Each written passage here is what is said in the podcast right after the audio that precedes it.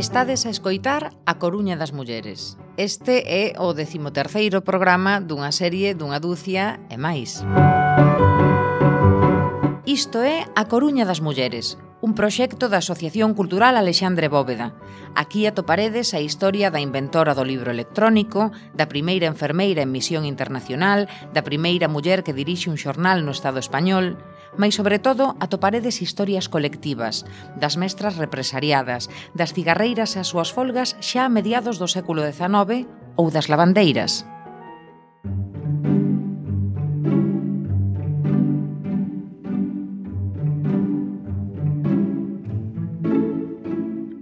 Hoxe queremos falarvos das mestras republicanas.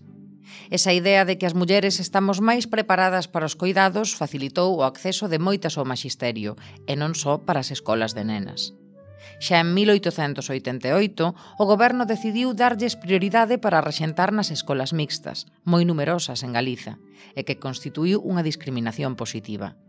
Esta e outras circunstancias propiciaron que a profesión se feminizase, aínda que non sen atrancos por parte dos homes, que mesmo se resistiron inicialmente a abandonar o campo da educación infantil.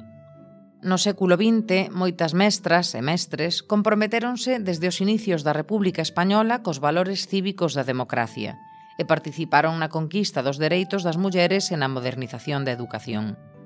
Despois do golpe de Estado, moitas son represaliadas, algunhas salvaxemente asasinadas e outras separadas definitivamente do ensino. Imos hoxe falar polo miúdo de tres delas, de María Barbeito, Elvira Bao e Mercedes Romero Abella.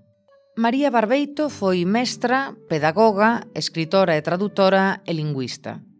Con apenas 16 anos aproba a reválida na Escola Normal como profesora de primeiro ensino gañará praza nas oposicións de 1902 como mestra. Con destino na Escola Graduada Pública de Párvulos da Guarda, centro que vai dirixir entre 1915 e 1936, puxo en marcha unha novidosa pedagoxía educativa que a converte en referencia e é a introdutora en Galiza dos principios de María Montessori. En 1933 obtivo por concurso de méritos o cargo de inspectora mestra, dende o que creou un plan de lectura global en 1934 para as escolas da súa zona de inspección. En 1935 obtivo unha bolsa da Xunta de Ampliación de Estudos grazas á cal emprendeu unha viaxe por Europa xunto con outros dez docentes españois visitou institucións educativas de Francia, Bélxica, Países Baixos, Alemanha, Suiza e Italia, e nelas tomou contacto cos métodos pedagóxicos que se impartían en Europa. Colabora asiduamente en xornais e revistas de contido pedagóxico e social. Cunha especial preocupación polos temas relativos á muller, dá conferencias e publica textos sobre o tema, entre os que compre destacar La mujer antes, ahora y despois, unha conferencia impresa en 1934 e pronunciada na Agrupación Republicana Femenina da Coruña que presidía naquela altura Amparo López Llán. Ser decidida partidaria de la coeducación que defendió particular y públicamente en conferencias. Haber actuado intensamente fuera de la escuela, pronunciando conferencias en centros izquierdistas como Agrupación Femenina Republicana, afecta a Izquierda Republicana, manteniendo sus doctrinas izquierdistas que sostuvo en conferencias radiadas descuidar la educación moral de las niñas, a las que no daba fundamento sólido para resistir los impulsos primarios de la naturaleza. Por esto, dichas niñas sostenían frecuentemente conversaciones obscenas. A Comisión Depuradora do Maxisterio resolveu en novembro de 1937 a súa separación definitiva do servizo de todos os seus cargos. María Barbeito representa a renovación educativa, a defensa dos dereitos das mulleres e a liberdade e o progreso capaz de entender o ensino como un todo, introduciu a educación física nas aulas, ocupouse de aspectos sociais, alimentación, vestido do alumnado, e máis porque sabía que todo isto influía e moito no rendemento das nenas e dos nenos. Elvira Bao Maceiras foi unha mestra galega, militante do nacionalismo. Con 16 anos obtivo o título de mestra elemental na Escola Normal da Coruña. Desexosa de ir á universidade, logra o apoio da súa familia para trasladarse a Madrid a estudar pedagoxía, mais ao saber seus pais que na casa duns coñecidos, onde ela ia vivir, había tamén un mozo da súa idade, fai que eles lle neguen o seu permiso para ir. Desenvolveu a súa actividade docente nas colonias escolares do Sanatorio Marítimo de Oza desde 1920 até 1936, ano en que foi nomeada directora. No ámbito político foi unha activa militante do galeguismo e do republicanismo. Militou nas Irmandades da Fala da Coruña, sendo secretaria da súa xunta directiva en 1918 e colaborou tamén no seu cadro de declamación como actriz Cando no ano 1923 as Irmandades da Fala deciden crear as escolas de insiño galego, pénsase en Ángel Casal para a Escola de Nenos, en Elvira Bao para a Escola de Nenas. Mais sería a enfermidade da nai de Elvira e a necesidade da súa atención a que impiden abrir esta sección da escola. Elvira Bao foi membro da Agrupación Republicana Femenina da Coruña desde a súa constitución en 1933 e foi presidenta da primeira xunta directiva, integrada por outras destacadas republicanas como Amparo López Llán.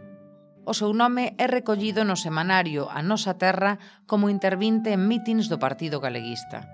Xunto ao seu home, Bernardino Varela do Campo, editaron o primeiro libro de Contos para nenos, cun texto de autoría de Vicente Risco e ilustracións de Álvaro Cebreiro. Como consecuencia do seu activismo político, logo do golpe de Estado de 1936, pasou uns meses no cárcere e foi separada definitivamente do ensino público.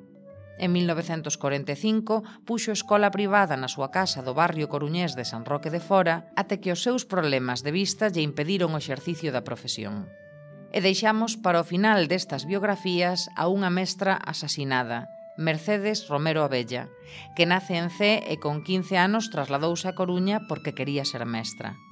Estudará na Escola Normal, nun momento no que as organizacións culturais, políticas e obreiras agromaban e espallaban as súas ideas a pesar do contexto da dictadura do general Primo de Rivera.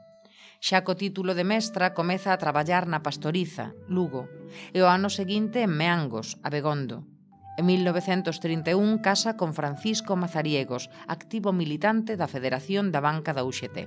A familia vaise instalar en Monelos na vivenda da Escola de Nenas, onde Mercedes foi destinada como mestra nacional. Mercedes será a que sustente a toda a familia, xa que a finais do mes de xuño do 35, Francisco será condenado a seis anos e un día polo seu activismo sindical. Mas Mercedes non se asusta nin a cobarda. Come preso e doente, padecía farinxite crónica, na cadea da Coruña, e dous nenos pequenos actuará como apoderada ca candidatura da Fronte Popular, que sairá gañadora nas eleccións de febreiro de 1936. Ca Frente Popular chegará a amnistía e o día 19 dese mesmo mes, apenas tres días despois dos comicios, Francisco Mazariegos será posto en liberdade mais só cinco meses despois terá lugar o golpe de Estado. Francisco toma parte activa na defensa do goberno civil de Coruña. Isto, xunto co seu pasado sindical como presidente do Sindicato de Banca da UGT e membro da Agrupación Socialista da Coruña, sería considerado motivo abondo para o fusilaren en Punta Herminia no 31 de agosto. Perante isto, Mercedes, que chegou a presidir o Sindicato de Mestres da Coruña, non dubida e decide partir xunto cos seus fillos a América. Para iso, inicia xestións para obter os pasaportes e documentos que lle permitan exiliarse. Mais non o consegue. É detida e asasinada. Foi violada, cortáronlle os peitos e foi baleada no pozo da Ponte da Castellana no día 19 de novembro do ano 36 contan que xunto ao cadáver apareceu un mantón negro de loito vermello polo sangue. Está soterrada en Vilarraso, na enorme foxa común en que inicialmente foi inscrita como descoñecida número 21. Mercedes, en bata negra, cun lápis e un carbón de debuxo, as súas armas de traballo, é das 11 persoas identificadas nunha foxa con arredor dunha trintena de represaliados. E para rematar este programa, imos dar un salto no tempo, un salto que converte a nosa cidade en pioneira. As primeiras escolas públicas de nenas das que se tiña constancia no Estado español eran de finais da década dos anos 20 do século XIX. Pois debedes saber un fito relevante na creación de escolas públicas de nenas. No ano 1822 créanse as primeiras escolas públicas de nenas na Coruña, unha na Cidade Bella e outra na Peixería. Como vedes, hai 200 anos a Coruña xa era pioneira na educación pública.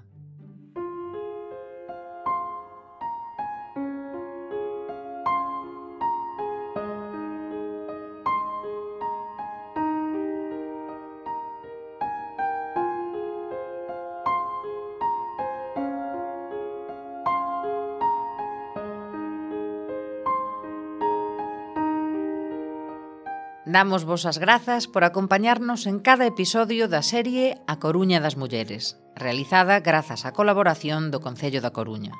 Podedes seguirnos na web acoruñadasmulleres.gal. Saúde e memoria.